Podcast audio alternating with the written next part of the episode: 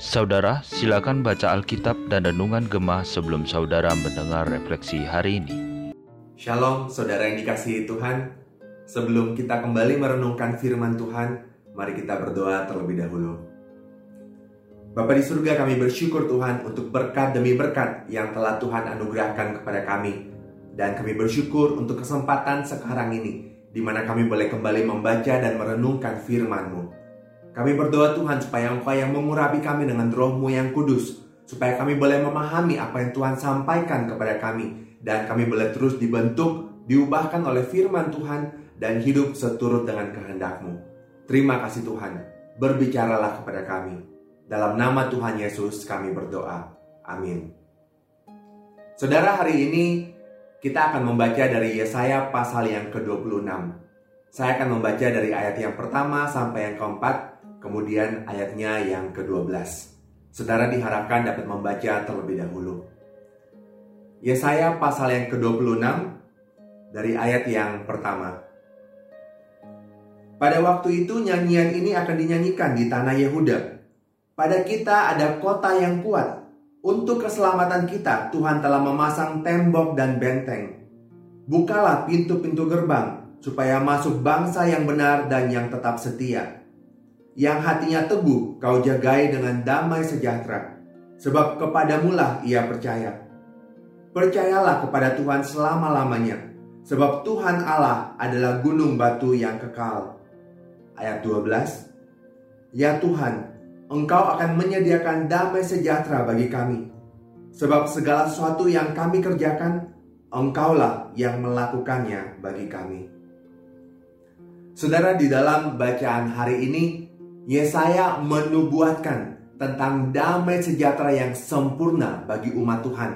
Meskipun mereka berada di tengah penghakiman Allah atas dunia ini. Menariknya saudara dalam bahasa asingnya ada pengulangan kata shalom atau damai sejahtera di ayat yang ketiga.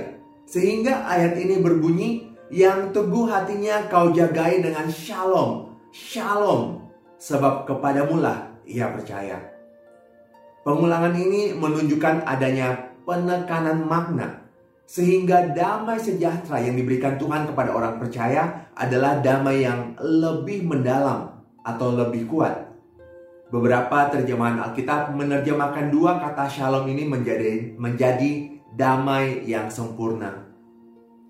Saudara dalam dunia ini atau dalam kehidupan kita sehari-hari, kita bisa saja kehilangan damai sejahtera terutama saat kita menghadapi berbagai macam kesulitan, masalah, atau penderitaan.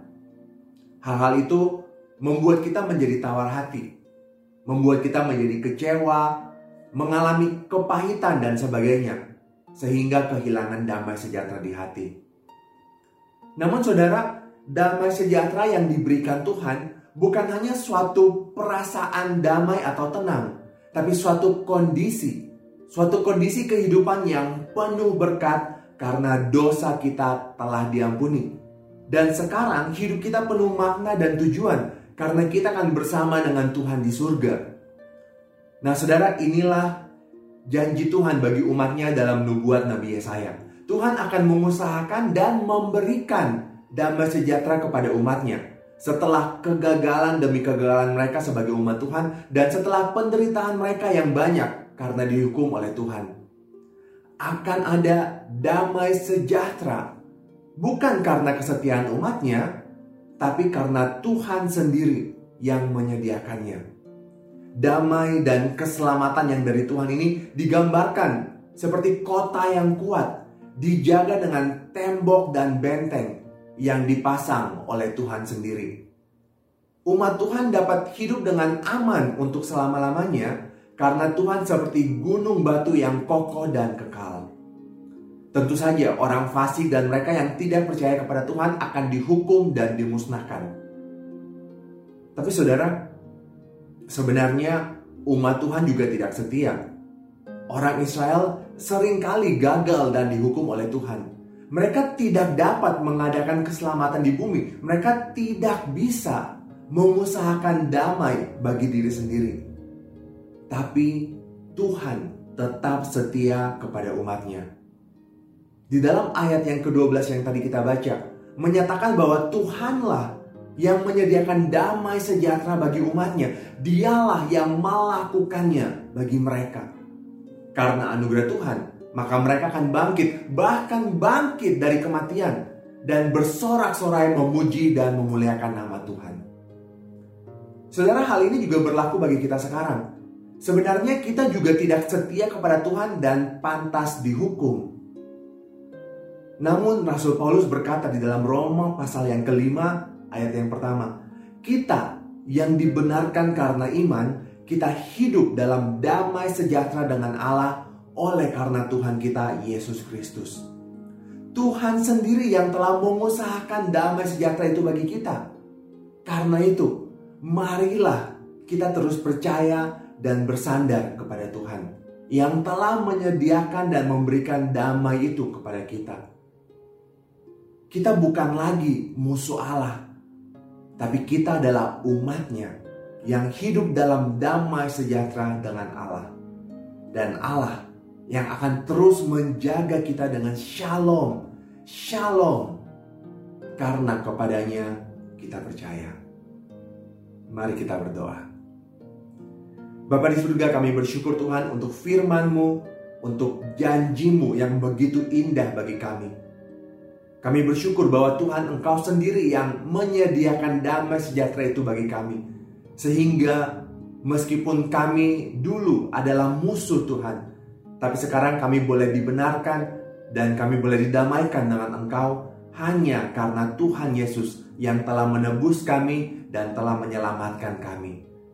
Kami bersyukur Tuhan, bersyukur untuk anugerah-Mu bagi kami, bersyukur untuk damai sejahtera yang telah Tuhan sediakan bagi kami. Dan sekarang kami bersyukur bahwa kami boleh hidup dekat dengan Tuhan. Dan Engkau seperti tembok, seperti gunung batu yang kokoh. Dan kami boleh terus berharap kepadamu. Kami bersyukur Tuhan untuk keselamatan yang Kau berikan. Dan kami berdoa supaya Engkau yang terus menolong kami untuk boleh terus bersandar tetap percaya kepada Tuhan. Di dalam seluruh kehidupan kami, dalam setiap keseharian kami, Biarlah Tuhan yang tolong kami untuk boleh terus mengingat akan Tuhan dan boleh terus percaya kepada Tuhan. Terima kasih Tuhan, terima kasih. Biarlah Engkau yang terus menjaga kami dengan damai sejahtera yang telah Engkau berikan kepada kami. Dalam nama Tuhan Yesus, kami bersyukur dan kami berdoa. Amin. Tuhan Yesus memberkati.